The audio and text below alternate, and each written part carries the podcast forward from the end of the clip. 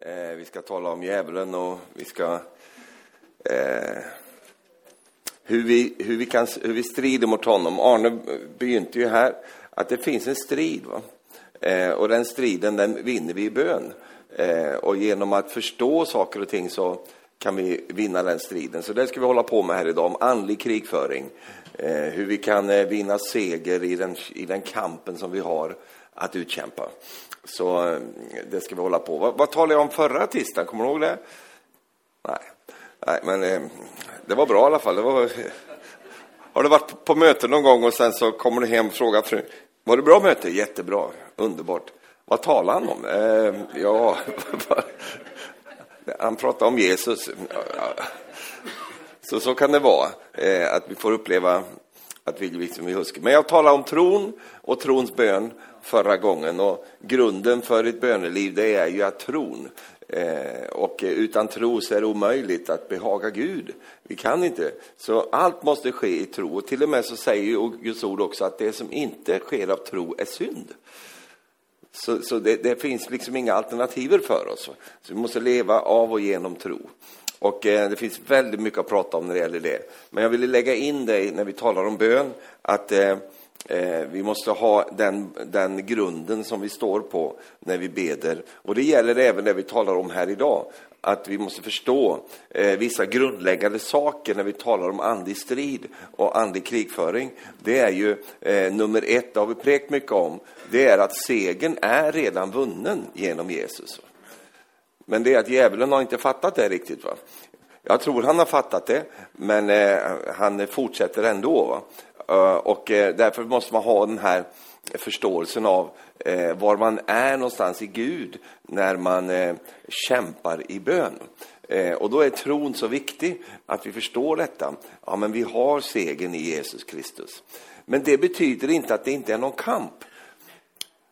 Och det har du upplevt i ditt liv också, att du upplever att det finns en strid. Och, och det, då är det så viktigt att förstå eh, hur, hur, vem som är fienden. Det finns många äktenskap som går i kras, för de förstår inte att det finns en osynlig del där som prövar sig och försöker laga split och, och sådana saker. Va? Eh, men vi måste avslöja fiendens försök. Och det gör vi genom uppenbarelse och genom att förstå vad det, eh, det hela handlar om. Vi ska gå till Andra Korinthierbrevet kapitel 10. Vi börjar där ikväll. Vers 3.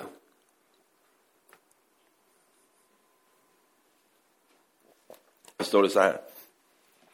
Ty om vi lever här i världen så strider vi inte på världens sätt. De vapen som vi strider med är inte svaga, utan har makt inför Gud. Att Andra Korinthierbrevet 10, vers 3. Jag hör att det bläddrar här och det är ju trevligt. Och nu slutar det bläddra. Har du varit på möten någon gång när predikanten säger slå upp Amos bok Eh, två och fem, och där har du inte du varit på åratal. Va? Så han har limmat sig fast Bibeln där, så du får inte upp den. Och så bläddrar du så märker du att det börjar bli tyst runt omkring dig. Och så känner du, oj, oj, oj, alla andra har funnit städet, va? men inte jag. Då låtsas du bara, slår upp. Och då är det väldigt pinligt när, när han som sitter jämte frågar, du, var var det någonstans det här stället? Ja, men det är väl trevligt, det är inte så vanligt längre att man hör bibelbläddrandet. Utan nu är det ju mer eh, digitalt som vi håller på, så att det är trevligt att höra att vi har fort, fortsatt kvar de vanliga biblarna. Eh, de vapen vi strider med är inte svaga, utan har makt inför Gud att bryta ner fästen. Ja, vi bryter ner tankebyggnader och allt högt som reser sig upp mot kunskapen om Gud. Och vi gör varje tanke till en lydig fånge hos Kristus och är beredda att straffa all olydnad så snart ni har blivit fullkomligt lydiga. Så den första delen här, att han talar om att vi lever ju här i världen, eh, men vi strider inte på världens sätt. Med andra ord, vi strider. Men vi strider inte på, på världens sätt. Vi har ett annat sätt att strida på. Men vi strider. Du, du kan inte ha en, en eh, tanke att det kristna livet inte innehåller någon strid. Det gör det. Eh, men det som är positivt det är att det är en segrande strid. Och, och vi har alla förutsättningar att vinna där. Men eh, det finns en strid, det finns en kamp. Du ska inte bli förvånad om du upptäcker att den kampen är verklig. Den kommer emot dig, speciellt när du vill följa Gud. Och det är bara så att djävulen skjuter aldrig på döda kråkor. Eh, de är redan döda, va? utan det är levande kråkor som man skjuter på. Och är du levande i Gud, då är du target för fienden. Då vill han få ner dig. Så du ska inte bli förvånad om det blir strid när du försöker följa Herren och gå hans vägar. Då kommer en kamp på det där. Men den kampen, den kan du vinna. Men vi strider inte på världens sätt, utan vi, vi har vapen så han, eh, alltså, det finns vapen som vi strider med och de är inte svaga utan de har makt inför Gud att bryta ner de här fästena som reser sig upp i vår tid. Amen. Eh, och en annan ting också, det går, då går du med mig till Efesierbrevet 6 eh, i vers 12 så står det så här.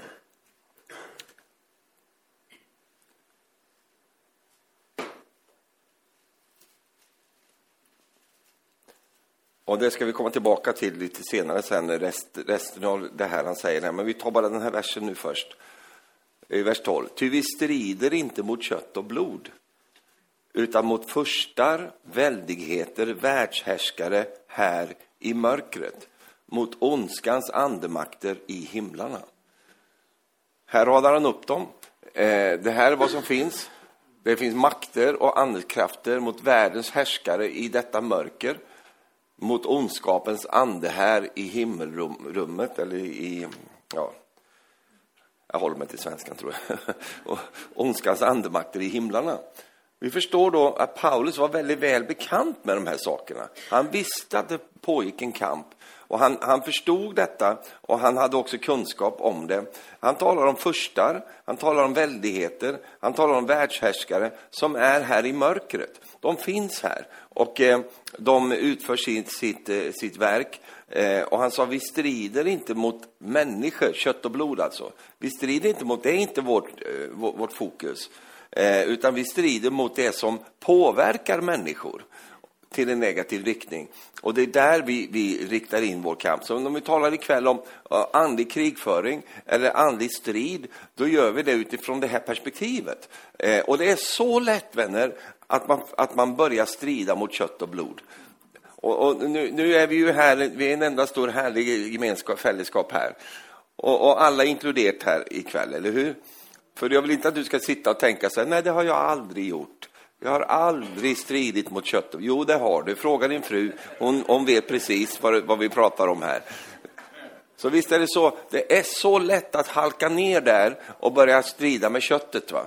Och, och hålla på där. Eh, och det, vi alla hamnar där ibland. Men, eh, eh och då måste vi lyfta våra ögon och se vad ligger bak det här? Vad, va, vad är, det, vad är det fienden håller på med här?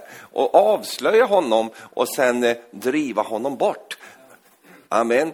Och, och, vi ska ägna hela kvällen åt det här. Så det, Det kommer gå jättebra. Du får en liten kaffetår i mitten här och, och sånt så du orkar med resten också. Men vi strider inte mot eh, kött och blod utan mot första väldigheten. Jag tänkte också på det, jag ska inte utveckla det för mycket, men eh, i Uppenbarelseboken kapitel 2, vers 13, så talar ju Herren här och säger så här, jag vet var du bor, där Satan har sin tron. Och det här är Pergamus. Pergamus låg ungefär ett par mil ifrån eh, Smyrna. Eh, det är alltså Turkiet. Eh, och eh, där säger Jesus, där bor Satan har sin tron där. Jag tycker det är lite intressant alltså. Att det, det, det, var så konkret så att han hade en plats där Satan, eh, alltså han hade identifierat detta. Och där, bo, där bor han och då är ni som är församling där, eh, han skriver ju till ängeln där i församlingen eh, och, och eh, pastorn då förmodligen. Och eh, då så talar han till och säger så här, du har varit ståndaktig och stått, stått emot där Satan bor. Och jag tror inte Satan har sin tron i Sarpsborg, jag tror inte det. Men det, det, det, jag tycker det är lite intressant att det är så konkret. Va? Att Herren liksom, eh, han vet de här sakerna. Eh, och eh, du vet ju också, vi har citerat flera gånger om Daniel. Det tog 20 dagar för Gabriel att komma igenom. Han behövde hjälp av Mikael. Varför då? Därför att försten över Persien, alltså Iran, va? försten över Persiens rike, det är väldigt mycket eh, strid borta i de här delarna av världen. Asien och, och, och eh, hela den här, och det har med yttersta tiden att göra också, som kommer att gå upp mot eh, eh Ryssland och hela vägen ner där. Och, eh, så, så det, det, är liksom en ansamling åt det hållet där. Och, eh, så det är inte så väldigt konstigt att det är så mycket märkliga religioner som pågår där i Asien. Va? Därför att det, det, verkar som att det är eh, ja, väldigt mycket plågor där. Sen har du Afrika och andra typer av demoner och furstar eh, med väldigt mycket konstigheter, witchcraft och, och sådana saker. Och så säger du, det är skönt att jag bor i Europa, det finns väl inga furstar här. Jo, det kan jag lova dig. Det finns en furste som sitter uppe i huvudet på folk en intellektuell furste som tronar och som, och som har liksom eh, fått människor att bli kokobäng i skallen. Va? Och, och, och, och, så. så det finns alla möjliga olika typer av varianter. Eh, och så. Det är intressant med Lester Samra, du som hörde honom när han, när han levde. Han var ju väldigt bevandrad i de här sakerna. Eh, och, eh, han var ju ute och reste under andra världskriget och predikade. I, och då var han ju i Asien, han var i de här länderna, i Kina och predikade Mongoliet och, och överallt. Va? Och, och då så, så var han så, eh, han var så tagen av att det var så fridfullt va? och lugnt. Och, det var jättelätt att vinna folk för Gud och det var massor som blev frälsta. Och så samtalade med Herren om det där och sa det, det, det är så fantastiskt här, liksom, så härlig fred och ro här i den här delen av världen nu. Och då så sa Herren till honom, ja men det är därför att alla demonerna är i Europa just nu. Och då hade, alltså, det kan du ju förstå vad som pågick där eh, i Europa under Hitler och hela den vägen. Så det var en ansamling först. Alltså, du förstår att det finns, en, eh, det finns ett, ett, ett, spel här, det finns en, en struktur, en ordning. Eh, alltså världshärskare, eh, andefurstar eh, och, och, och, och de vanliga, håller på att säga, simpla demonerna som då är som fotsoldater. Och de hade liksom flyttat upp till Europa och verkade där. Så, så, och det säger mig en annan sak också, att fienden har inte hur mycket kapacitet som helst. Va?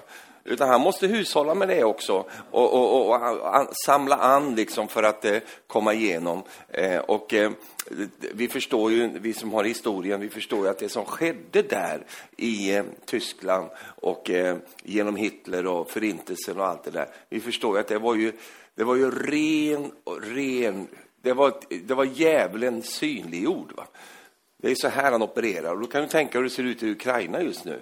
Eh, vad som pågår i andevärlden där. Och, eh, och, eh, och, i Ryssland och he, hela det. Men inte bara där, utan över jorden. Eh, och, och, eh, så det pågår alltså en strid där. Eh, och jag vill bara få med det. Av alla de här sju församlingarna som Johannes eh, skrev, eh, som finns i Uppenbarelseboken, så låg de i, allihop låg ju då i, i Asien och i, i, idag då så utgör det västra delen av det asiatiska Turkiet. Eh, och Pergamus var den nordligaste såväl som den västliga av dessa städer. Eh, den låg åtta kilometer norr om Smyrna. Eh, och eh, i våra dagar så ligger den där eh, vid en stad som heter Bergama. Och jag tycker det är intressant det här att det, det, det fanns en plats va? Där, som blir identifierad som platsen där Satan har sin tron. Eh, och, eh, men vi förstår då att det pågår saker runt omkring oss som är med och påverkar här på jorden. Och, och, för min del, skulle du ta bort det här, ta bort hela den här biten, så går inte pusslet ihop.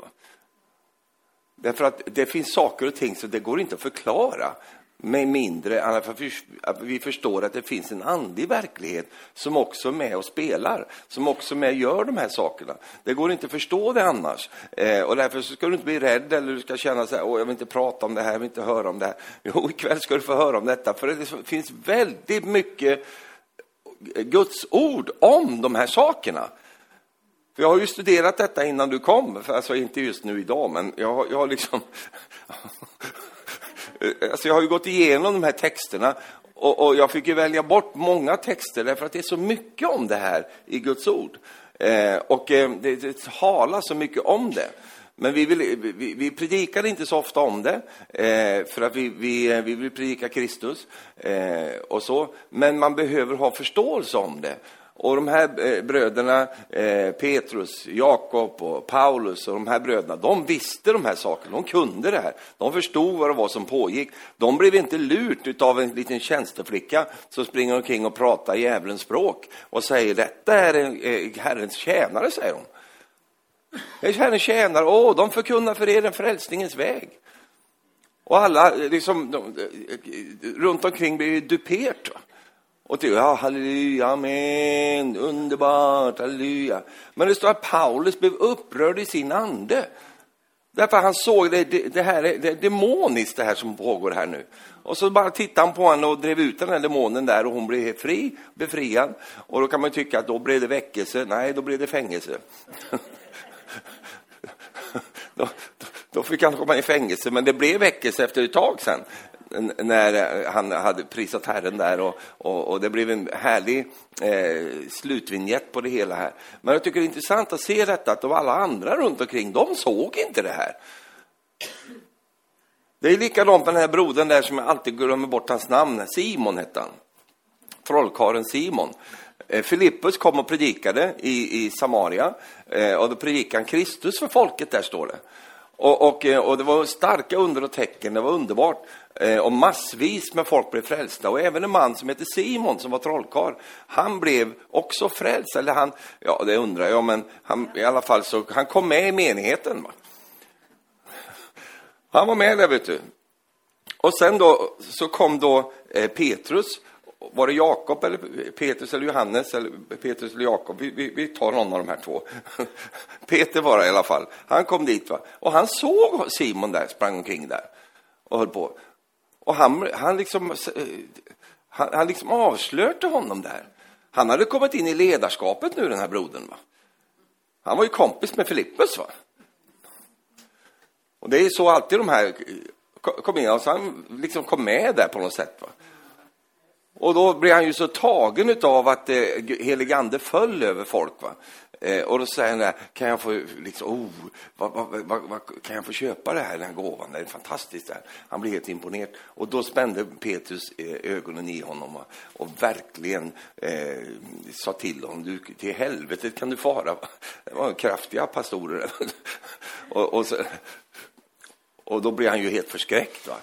Och, och säger, oh, be för mig att inget av det här du säger nu ska hända mig. Och allt detta. Men, men vad jag, poängen är den här, att i väckelsen så hände det många saker som inte var bra. Och då krävdes det den gåvan som, jag kommer ihåg när Ulf Ekman talade om detta på 80-talet, alltså den gåvan som är absolut mest nödvändiga i den yttersta tiden, det är gåvan att skilja mellan andar. Va? Det är den absolut viktiga. Om du ska be för någon gåva, be, be de andra också. Vi kan söka dem allihop. Men, men be att Gud ska förläna dig och ge dig gåvan att skilja mellan andar. Det finns väldigt många som är synska, vet du. de är intuitiva, synska, de känner på sig grejer. Va? Det gjorde profetlärjungarna också. De kände på sig att det är något på gång här. Va? De, men det var, betydde inte att de hade liksom någon profetisk förmåga. De hade bara en sån känsla. Det är många som har det.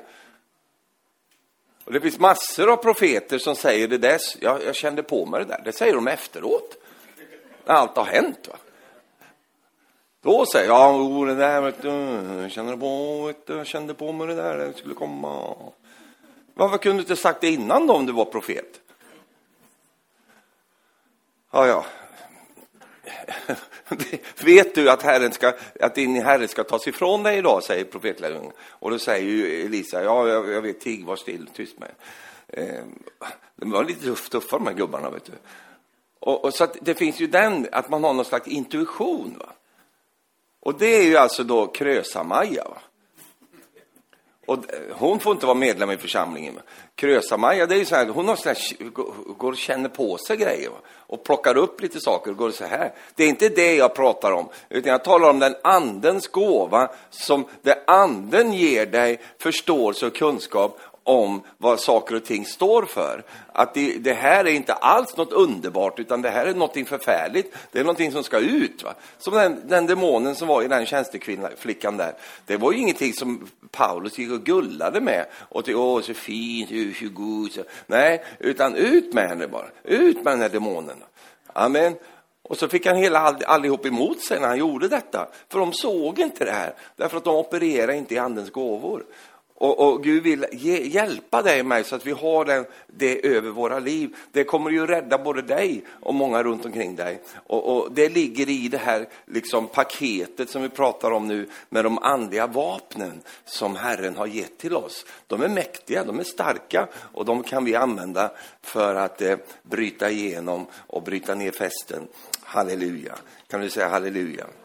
Nåväl, vi ska tala nu eh, om om eh, djävulens strategier. För han har lite olika, han, han, har ju, han har en målsättning, men han har olika strategier. Så en, den målsättning han har, det är ju den Jesus talar om här i Johannes 10, vers 10. Så, så förklarar ju Jesus vilken målsättning han har. Och det är ju, tjuven kommer bara för att stjäla, slakta och döda. Där han går fram, det är det det som sker.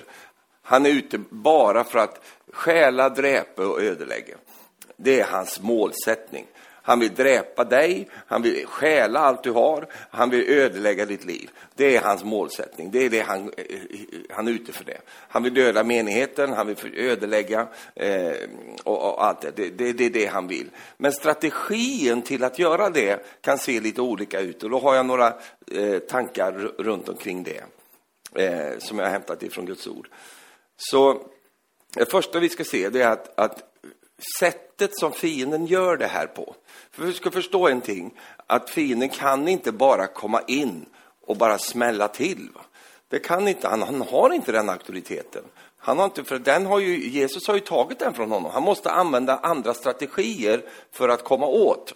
Och, och, då brukar han sina strategier. Och en av dem är ju den här, att han går omkring och söker efter öppningar. Och det står i första Petri brev kapitel 5, vers 8. Så står det så här. Var nyktra och vaksamma. Och jag vill påstå det gäller på alla sätt när vi pratar om nykterhet.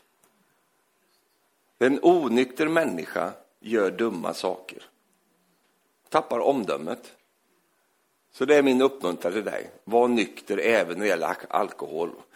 Och jag är inte sån moralist eller någonting sånt där. Va? Och jag, jag, är heller inte sån att, jag menar, det är ju ingen dödssynd om du skulle ta ett glas vin eller så. Det, det, det, det, det finns inget stöd för det i Bibeln. Men det finns andra stöd. Och ett av dem det är, du tappar nykterheten, så du tappar omdömet. Va? Och, och, och just det där omdömet, det är ju så viktigt när vi ska när vi ska operera. Vi, vi behöver vara nyktra. Men det är ett vidare begrepp också, en nykterhet, att du är klarsynt. Va? Och det ska jag säga, det är faktiskt ganska ovanligt bland kristna att de är klarsynta. Ja, inte hos dig alltså. Nej, alla, det är ju alla andra. Va? Inte är det är uppe i Moss där. Usch. Nej då. Nej, men det, det är faktiskt så. Ty, tyvärr är det så att det är, om du tittar historiskt i de breda penseldragen här nu, va, så är det ganska lätt att lura en kristen. Det är lätt, för kristna är snälla. Kristna är kärleksfulla. Kristna vill det så gott. De ser, vill se det bästa i alla. Och, och sånt. Och du vet, det är mumma kardemumma för, för någon som är ute efter att luras. Det är ju kanon. Det, det, tyvärr är det så. Det, det, det är ganska lätt att, att, att, att lura kristna människor. Men inte dig. Alltså, inte dig. Vi säger i Sverige, gick du på den lätte? Ja, vi säger så. Eh, och Gud vill inte att du ska bli lurad. Och inte att jag heller ska bli lurad, bedragen alltså. Utan Gud vill att vi ska vara klarsynta. Men för att vi ska, för att vi ska vara klarsynta måste vi vara nyktra. Det är ett annat ord för att vara sund. Eh, sundhet är ett tecken på den heliga Ande. Det här andra, det är, det är ofta ett tecken på att det är något annat som är i rörelse. Den helige ande ger en, ett sunt sinne, står det. Amen. Gud har inte gett oss en, en, en fruktans ande, utan en kraftens, en kärlekens och ett sunt sinne. Det vill säga att man blir sund upp i kolan. Va? Halleluja. Ja, tack och lov. Just. Kristen bibelskola. Så han söker efter öppningar. Var nyktra och vaksamma. Er motståndare djävulen går omkring som ett rytande lejon och söker vem han ska sluka. Det kan ju inte komma mycket klart än så. Han går omkring som ett rytande lejon. Han är ju inget lejon, men som ett rytande lejon. Det betyder hur jagar ett lejon. Du har sett på filmer och sånt där hur de jagar. De söker efter öppningar. De söker efter möjligheter. De kan till och med ge sig på elefanter. Va? Därför att elefanter har små elefantbebisar. Och om de kan få elefantbebisen lite bort från gruppen så kan de ta en elefant också, fast en liten variant. Va? Eller om de söker efter skadade djur, va? sårade djur som, som då eh, inte har den farten eller inte har den möjlighet att försvara sig. Så de kan ge sig på stora saker, men de, de, de, de söker efter öppningar, efter möjligheter. Och det är precis så djävulen opererar. Han letar efter en öppning, va? ett sår kanske, en skada, någonting som, som man ser, det där, nu har jag en möjlighet här. Och så letar han efter öppningar. Han går omkring som ett rytande lejon och jobbar på det sättet. Och han letar efter möjligheter, öppningar, som gör att han kan slå till. Va? För, och det är det som är så viktigt också, därför att eh, du och jag, vi sitter ju i en kropp. Va? Vi är ju lemmar tillsammans eh, och sånt. Och det finns ett enormt beskydd, precis som gnuerna. Du vet gnuer, säger ni de där, det är någon hjortdjur, va? Det finns ju enorma mängder. Va? Och det är favoritföda för lejon. Va? Så, så, och, och, men gnuerna, när de håller samman, du förstår, det, det, är så fantastiskt med gnuerna hur de är. Jag har ju en hel preken om det där med gnuer. För det första är de ganska stygga. Så det är, inte, det, är inte, det är inte det han är ute efter. Åh, vilken vacker gnu. Nej, de är inte vackra. De ser ganska fula ut. Alltså. Men hur som då så, så, så, så, så angriper inte lejonen gnuerna därför att de kommer i sånt... De, de är så många. Så lejonet blir så förvirrad, vem ska jag ta? Va? Massor, va? så han, han, han liksom tappar orienteringen. Va? Och det är likadant när de ska hoppa över såna här flodbäddar och sånt där det finns krokodiler så kommer de allihop och bara störtar över detta. Så krokodil, vad var det som kom här? De vet inte vad de ska göra till slut. Och det är bilden på menigheten. Halleluja. Vi är många, vi håller samman. Och när vi håller samman så blir det blir som att djävulen inte vet, vad ska jag göra för någonting? Vem ska jag ta? Det är som en stor klump så här. Va? Ja. Det finns fiskar som är på det sättet också. De åker i stim, enorma stim som bara, och, och de ser ut som en fisk. Va? Vum, vum. Och du vet de här stora, liksom, vad heter de där eh, svartvita mm, späckhuggarna? Va? De, de, de, och det är ju så här småfirrar så här, va? det är hur lätt som helst att ta dem, men de bildar ett stort stim, så de, det blir ta förvirring nere i sjön där. Halleluja. Du kanske säger, jag är en liten firre, jag är en liten fisk, åh, det kommer en stor späckhuggare. Ja, men du är inte alene, du är ett samme med andra och tillsammans så blir det, det, det, det sker någonting i andevärlden. Vem ska jag ta? Och det är därför som att när vi, när vi är noggranna med detta och förstår detta, att om du snurnar till på någon och sen, nej, nu ska inte jag gå, nu går jag inte med mer. Nu ska jag bara jag och Jesus. Nu är det bara jag och Jesus hemma på fjäset. Åh, nu är det bara jag och Jesus. Och så tänker du, vad skönt, slipper alla de andra. Men då måste du tänka på detta. Tänk på de där gnuerna som springer tillsammans. Tänk på dem. Nu är det precis perfekt för fienden. För då, då, har han isolerat en människa och då kan han bara angripa på det där sättet. Det är därför när vi hör ihop och håller ihop så har vi en massiv styrka. Halleluja. Avslöja fiendens fälla. Avslöja hans sätt att operera på. Kan du säga halleluja? Ja, men jag kan inte sitta jämte den där, det är så jobbigt. Ja, men sätt dig någon annanstans, bara du är i klubben. Kan inte sitta, har inte borstat tänderna, ingenting, det luktar as. Men det finns väl någon annan som har borstat tänderna idag. Kan du sitta jämte den då? Kan du säga halleluja? Ja. ja. men vi blir så barnsliga ibland. Och vi är så löjliga när vi håller på. Va? Istället för att fatta detta, att vi är en kropp tillsammans. Och när vi håller samman, då kan inte djävulen göra det han vill göra. Amen.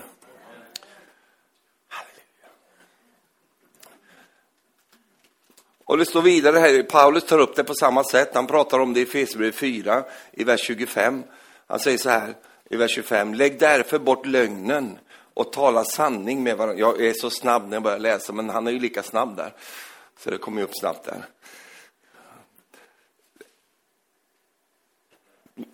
Lägg därför bort lögnen och tala sanning med varandra. Vi är ju varandras lemmar.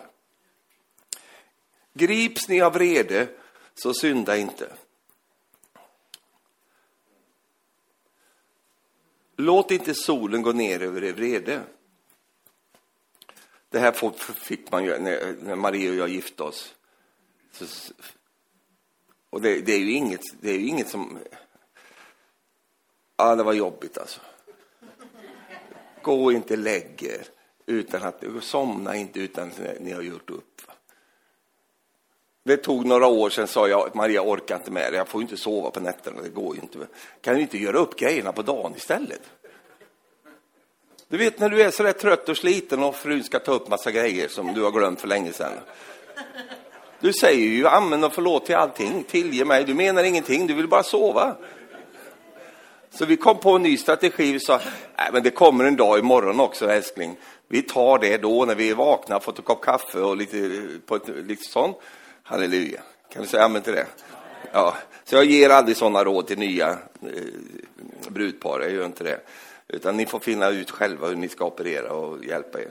Men i alla fall, låt inte solen gå ner. Vet du, solen kan ju gå ner mitt på dagen. Andligt sett.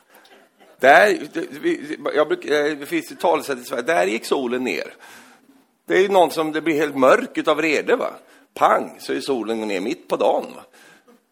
Jag väljer att tolka det så. så vers, men det är själva poängen här nu då. Det är att, och ge inte djävulen något utrymme eller tillfälle, rum, rom, rom, rom, rom. Jag tycker det är väldigt bra på, på svenskan här, va? där det står ge honom inget tillfälle, anledning alltså, på norska. Ge honom ingen anledning. Ge honom ingen möjlighet. Tänk vad mycket vi skulle vinna om vi bara slutar ge fienden möjligheter. Lämna inte rum för djävulen. Ge honom inte den platsen. Och ert bästa sättet är att vandra i kärlighet. För då håller du djävulen borta, kan jag lova dig. Han avskyr ordet. Han tycker inte om kärlighet. Det är det värsta han vet. Ge honom inget rum. Varför då? Jo, därför att han letar efter öppningar. Han letar efter rum. Han letar efter anledningar till att kunna angripa. Och det är därför som vi ger honom inget rum, helt enkelt.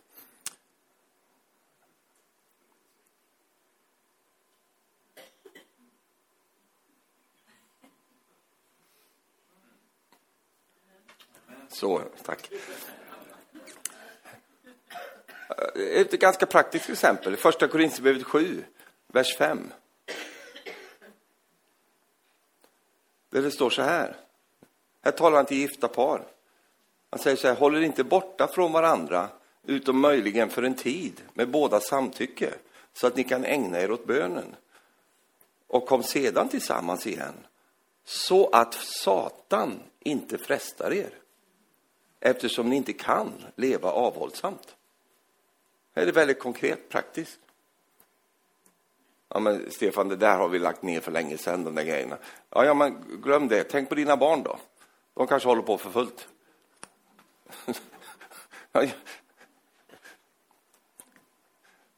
men därför att det finns en, i ett äktenskap så finns det en inbyggd svaghet. Och den svagheten heter, jag kan inte leva avhållsamt.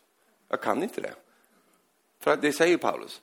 Eftersom ni inte klarar av det, se då till att ni inte ger djävulen en möjlighet att komma in genom att ni inte kommer samman och sånt. Och nu, alla äktenskap är olika, så jag vill inte gå in i några detaljer. Det är själva poängen jag är ute efter här. Och det är just detta att det, det finns faktiskt, djävulen är till och med inne i sängkammaren och letar efter möjligheter. Och nu är du så tyst att jag blir rädd. Men du har aldrig tänkt på det här på det sättet. Det kanske du inte har, men Paulus är väldigt konkret. Vet du. Han tar upp sådana här grejer. Och så, så att inte djävulen kommer in och frestar er. Så han kan komma in och fresta på sådana här grejer också. Och, och tydligtvis så, så, lyckas han då. Eh, och därför säger han så här, han håller inte borta från varandra, utan möjligen skulle ni kunna göra det för en tid med båda samtycke. Inte, nu, nu har jag bestämt att det blir, det blir inget nu på tre månader. Du. Eller tre år, det beror lite olika det där. Men nu blir det inget, så Nu stänger vi butiken här, det blir ingenting på länge. Säger den ena och den andra, jo. Och han blir helt, eller han eller hon blir helt liksom, det är lite olika det där. Och så, jo men snälla någon, jag blir galen om inte, det, om inte vi får... Det, det var ju därför jag gifte mig med dig. Nej, nej, men... Och jag skulle inte tagit upp det här om det inte är så att djävulen, han härskar ju på det här området i världen. Titta får du se hur han håller på. Det är ju, bara, det är ju, det är ju en enda stor sexbutik i den här världen. Vem tror du står bakom det? Det är djävulen, djävulen ödelägger människors liv. Och så har vi det heliga äktenskapet, det helgade livet eh, tillsammans med man och hustru eh, och allt detta. Men även där måste man ju tänka lite praktiskt och lite konkret. Håller inte borta från varandra, säger han. Var smarta, så du inte blir frestad av djävulen, springa på datorn och hålla på och leta reda på någonting som kan, eh, på något sätt. Ja, Stefan, kan du ta nästa punkt? Nej, jag känner att jag fortsätter lite här för att så att inte Satan frestar er. Så att inte djävulen kommer in här nu och börjar ödelägga och hålla på. Därför att de båda är, har samtycker om det. Vi, vi, ja, men vi pratar igenom okej, okay, vi ska hålla oss undan från detta. Och vad, va, vad är den enda anledningen till, orsaken till att vi håller oss ifrån varandra? Det är, som man säger det, mm utom möjligen för en tid med bådas samtycke så att ni kan ägna er åt bönen. Inte jakten. Eller vad det är, stick, stick, jag ska, man måste, har inte tid nu, jag ska sticka en kofta. Nej, bönen var det.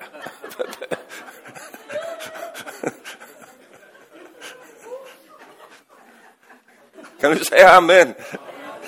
Det blir lite äktenskapsundervisningar på mitt sätt. halleluja. Kan vi säga halleluja? Ja.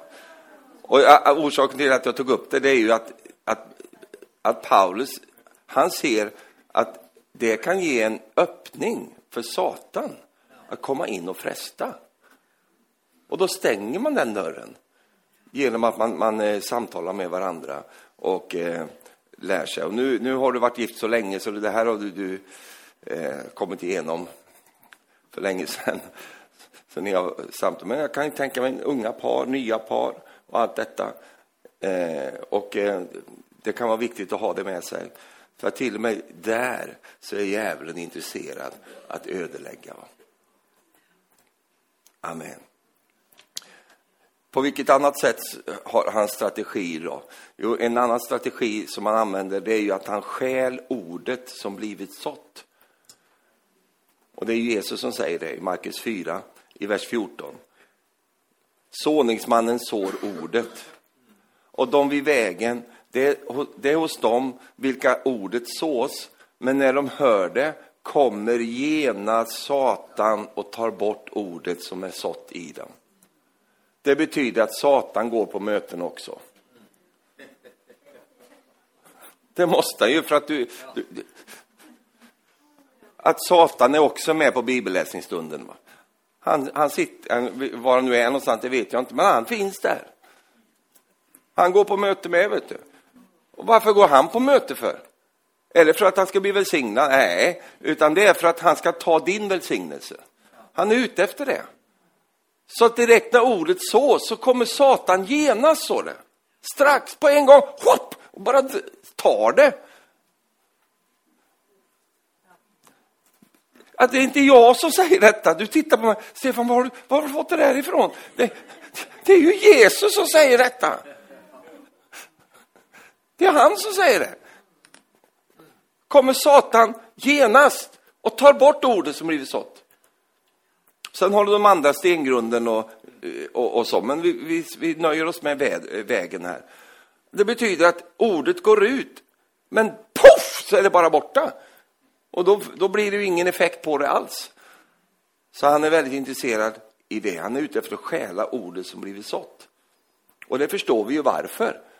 För att han vet ju det att om det här får vara kvar här, då kommer det ju ödelägga något fruktansvärt alltså, för honom alltså. Så därför så är eh, det, det, det smartaste han kan göra det är att ta det innan det ens går ner i, i ditt hjärta. Vad gör han mer? Det är en av hans strategier. Och eh, eh, bara, hur gör han det? Genom att du somnar mitt under preken. Då är det ju väldigt enkelt, bara plockar han ju hur som helst. Sen ligger han och sover gubben där, så det är bara att ta de här grejerna. Eller att du, du håller på med att tänka på massa andra saker. När du väl har tagit dig hit till mötet, då behöver du inte sitta på och tänka på hur du har det hemma. Du, du har ju lämnat ditt hem för en stund. Och jag lovar dig, du kommer tillbaks, det är lika rotigt som när du lämnade. Så det, du... Nej, då, vi sitter och tänker på allt möjligt. Och det är, det, är det är ju jättefint för fienden, för då kan han ju bara komma och plocka så här, hur han vill. Därför att vi är inte fokuserade, vi, vi, vi, är inte där, vi är inte sultna på det sättet, utan vi, vi sitter där och vinglar runt va, i våra tankar. Och jag pratar inte till dig nu, jag pratar allmänt till oss allihop. Jag har suttit på massor av möten, jag har inte hört ett ord av preken. För den var så dålig från början, va? så det var inga... Att, att, nej, alltså, ibland är man ju beskyddad också när man lyssnar på någon. Va? Halleluja, då kan man bara stänga av. Men när du hör Kristi ord och när du hör förkunnelsen eh, som vi är lite bortskämda med, eh, vi som, som går på de här mötena och du lyssnar på pastor Arne och sådär, va? Eh, så hör, det är ju liksom laddade saker. Då, då, då, är det ju så viktigt att man sitter och tar emot detta. Va? Halleluja. Och man får tänka precis som Maria, vet du. Hon tog ordet och stoppade ner det i hjärtat och så behöll hon det där. Va? På något sätt så hade hon en inre förståelse av att det är någon som är ute efter det här, som inte vill att jag ska höra det här. Så man bara, pum, pum, ta det bara och skyddar och bevarar det i ditt hjärta. Amen. Ja. Det är en eh, fjärde sak som han gör i hans strategier, det är att han förvränger det ord som Gud har talat. Det här har jag varit inne på innan, men vi kan bara eh, rekapitulera lite runt det. Och det är ju i första Mosebok 3. Så det första han gör där, ormen som var listigare än alla markens djur som Herren Gud hade gjort, han sa till kvinnan, har Gud verkligen sagt? Ni får inte äta av alla träd i lustgården.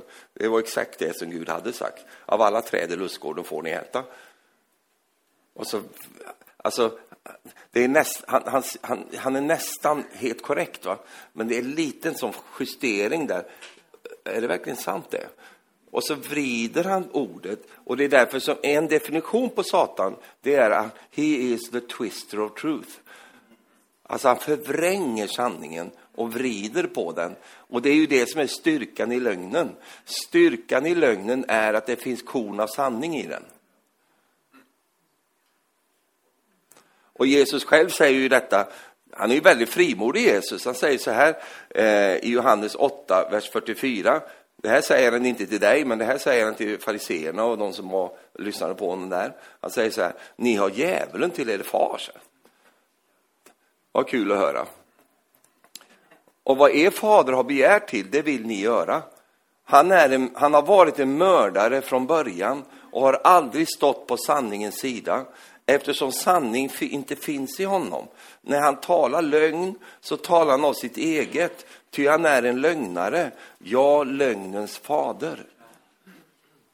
Alltså när Jesus talar om, om djävulen så är det det här han nämner. Och han säger så här, han är mördare, han vart det all, från allra första början och han fortsätter att vara det. Och han är en lögnare, ja han är själva upphovet till lögnen. Han är fader till all lögn.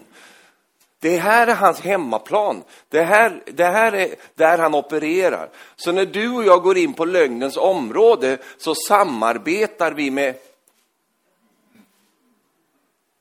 Då spelar vi på djävulens plan. Då jobbar vi med honom. Och det är därför som vi ska fly lögnen. Va? Vi ska vara bort ifrån den. Vi ska inte ha något med den att göra. Varför då? Därför att vi har en annan ande i oss. Och det är sanningens ande. Det är en helt annan ande. Och lögnens ande kommer från lögnens fader. Och lögnens fader, det är ju djävulen. Och därför så, jag vill inte ha någonting med lögn att göra, därför att det luktar djävulen då. Och det är därför som det är så bra att vi ska vara sanningssökare. Va? Halleluja. Och när vi står i sanningen och när vi lever i sanningen, då är vi också beskyddade. För djävulen trivs inte i sanningen, han vill inte vara där. Han, han har ingen makt i sanningen, utan han har makt i lögnen. Men om man kan få dig och mig att börja sätta tro till lögnen så att lögnen blir en sanning. Hur blir lögnen en sanning? Jo, det var ju någon som sa det, att eh, om du säger en lögn en gång så är det fortsatt en lögn. Men om du fortsätter att upprepa den lögnen i, i tusen gånger så blir den lögnen en sanning. Det här vet alla propagandister. Det här är propaganda i, i, i sin prydno. Det vill säga att ju mer jag matar på och matar på om samma lögn, samma lögn, till slut blir det en erfaren sanning för folk. Trots att det är en lögn. Och det är därför, det, det, och det här pågår i våra länder också. Det pågår i Norge, det pågår i Sverige, en propagandamaskin som ska mata ut de här sakerna. Min svärson, han är lärare och när han gick på lärarhögskolan så, och, och, och, så, han trivdes inte alls bra där. Därför att det var bara en, en, så att säga, en tankeström som, som var rådande. Va?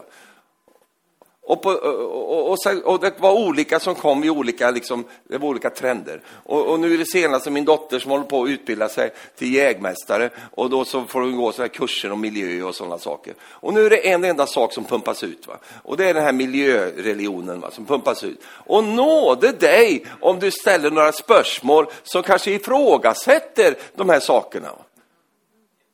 Vi har ju en stor diskussion i Sverige om vindkraft eh, och sånt. Och, och, och, och miljöfolken vill ju bygga vindkraft på ditt tak. De helst bygga vindkraft i din stuga. Eh, de vill ha vindkraft överallt. Va? Och så. Men det finns ju vedertagen eh, liksom vetenskap som säger att vindkraft är inte bra överallt. Och framförallt inte de här stora parkerna som ödelägger eh, både fågelliv och, och, och, insekter och sånt som, är, som behövs för, för, det, för balansen i ekosystemet. Men det struntar man fullständigt Man vill inte höra sådana saker. Man struntar fullständigt. Och alla som har en röst om det, de ska bort. Va? Därför att man ska ha ut sin tanke och sin sanning och etablera den som den gällande sanningen för allting. Och så här pågår det idag. Det är en indoktrinering ut, utan dess like. Och då blir jag misstänksam, för då? Därför att det är så här som djävulen opererar. Han har gjort det från allra första början. Han matar på sin lögn, han fortsätter. I början så säger nej det kan inte vara så. Han fortsätter, han matar på. Till slut så börjar vi tro på De satte sin tro till lögnen, står det. här. Och där så skedde ju allt det där som skedde sen. Och det är därför som du och jag ska leva med sanningen i våra hjärtan och låta den heliga ande få vara vår vägledare och hjälpa oss. Men det är precis så djävulen gör. Han vrider till sanningen så att det, så, så han kan komma igenom med sin lögn. Oj, oj, oj. Jag har ju massa grejer här, men vi ska ju dricka kaffe snart. Men vi kan ta en till här då. Han attackerar våra tankar. Och i Matteus 16, vers 22, så står det så här, och det här har vi citerat många gånger. Då tog Petrus honom åt sidan och började motsäga honom. Gud är nådig mot dig, Herre. Det, han blir så religiös här nu, Petrus. Gud är nådig, käre Jesus. Detta ska aldrig hända dig. Och så vänder sig Jesus om och säger till Petrus, gå bort ifrån mig, Satan. Den är, den är tung alltså. Du vill få mig på fall. Vad du tänker är inte Guds tankar, utan människotankar. Här har du då, om vi får dela in dem lite grann, här har du då en av de absolut främsta lärjungarna, han som skulle bli pastor i Jerusalem, han som Jesus investerade så mycket i eh, och allt detta, och han som gjorde sig känd, han, han var ju ändå, Petrus är Petrus. Va? Han fick tankar av Satan in i hans sinne, som han sen gav, gav röst för. Och Jesus stoppar upp honom och säger, gå bort från mig Satan. Och vi vet ju, både du och jag, det är ju inte Petrus han pratar med här. Han, det är inte, han, är inte, han är inte sint på Petrus, utan han, han, han adresserar varifrån den tanken kommer. Om Petrus kunde ha en tanke som kommer från djävulen, då kan väl du och jag också ha det. För det är väl inte, det är ju inte du som varit den första pastorn i Jerusalem. Nej, men jag var ju inte född då. Nej, men du förstår poängen här. Va? Om Petrus, som levde med Jesus så nära, om han kunde bara få en tanke rätt från helvetet, så kan väl du och jag också få det. Och det får vi också då och då. Och allt folket sa, mamma mia. Och det är där som du och jag, du, du, jag vet, du får ställa dig på vilken plats du vill här. Du kan ställa dig på, som en Petrus och tänk, känna igen dig själv i det. Du kan också ställa dig som Jesus i den här rollen. Därför att du och jag kallade att vara hans representanter här på jorden. Med andra ord, kunna avslöja saker som kommer ifrån från mörkret. Och då är det ju viktigt att när du upplever det, men det där är ju inte Gud, va? det här är ju, det är ju djävulen som pratar nu. Då behöver ju inte du demonisera den personen och börja liksom kasta vigvatten på honom och hålla på. Nej, du är ingen katolik, men... och köra en exorcism där direkt. Va? Det gjorde ju inte Jesus. Va? Han började, började ju inte kasta sig över honom och drev ut massa. Utan han bara stoppade upp Petrus. Så, men det säger mig en sak, hur lätt det var för Petrus att plocka upp en sån tanke. Hur tillgängligt det var. Mitt i det här, det hade varit en underbar stund där. Och, och Petrus hade ju fått bli lite extra använd där också. Så han var väl lite kaxig när han gick omkring där. Va? Så tog han sig frimodigheten att säga det där till Jesus. Så det, det var ju miljö där, det var ju väldigt positivt allting. Och så har Jesus, han avslöjade det där. Han talar ju till Satan där, han talar ju inte till Petrus. Han säger, ty du, du, du vill hindra mig från att göra Guds vilja. För dina tankar, det är inte Guds tankar. Det är vanliga, det är människotankar. Transformera ner detta till vilket menighetsliv som helst. Så har vi så mycket människotankar som vi höjer upp till att vara någon slags gudstankar. Fast det är bara människoidéer och människotankar. Och bara för att 15 stycken tycker en sak betyder inte det att det är från Herren. Utan det som kommer från Herren, det kommer från den helige Ande. Och Jesus, han hade, jag lovar dig att de andra disciplarna, de tyckte säkert samma sak som Petrus där. Ja, men det är ju helt sant där nu. Ska han lämna oss nu? Vi har ju röstat in honom som pastor här nu. Ska han gå? Han, ser, han är ju styrelseordförande här. Nej. Jag tror att, att liksom, säkert var de andra med också på det här. va? Men Petrus han var ju alltid den som gav röst för allting, så, så han stod ju där. Det betyder alltså att djävulen attackerar våra tankar. Då. Du kan få en tanke om någon som absolut kommer rätt nerifrån mörkret. Alltså. Och kära någon. Uh. Det är därför du och jag ska ha, precis som vi läste i början här, att vi kan ta varje tanke till fånga och lägga dem under Kristi lydnad. Amen. Ja, men alla dina tankar är inte från djävulen. Det är de inte. Säg tack och lov. Men det kan komma och det kan finnas där.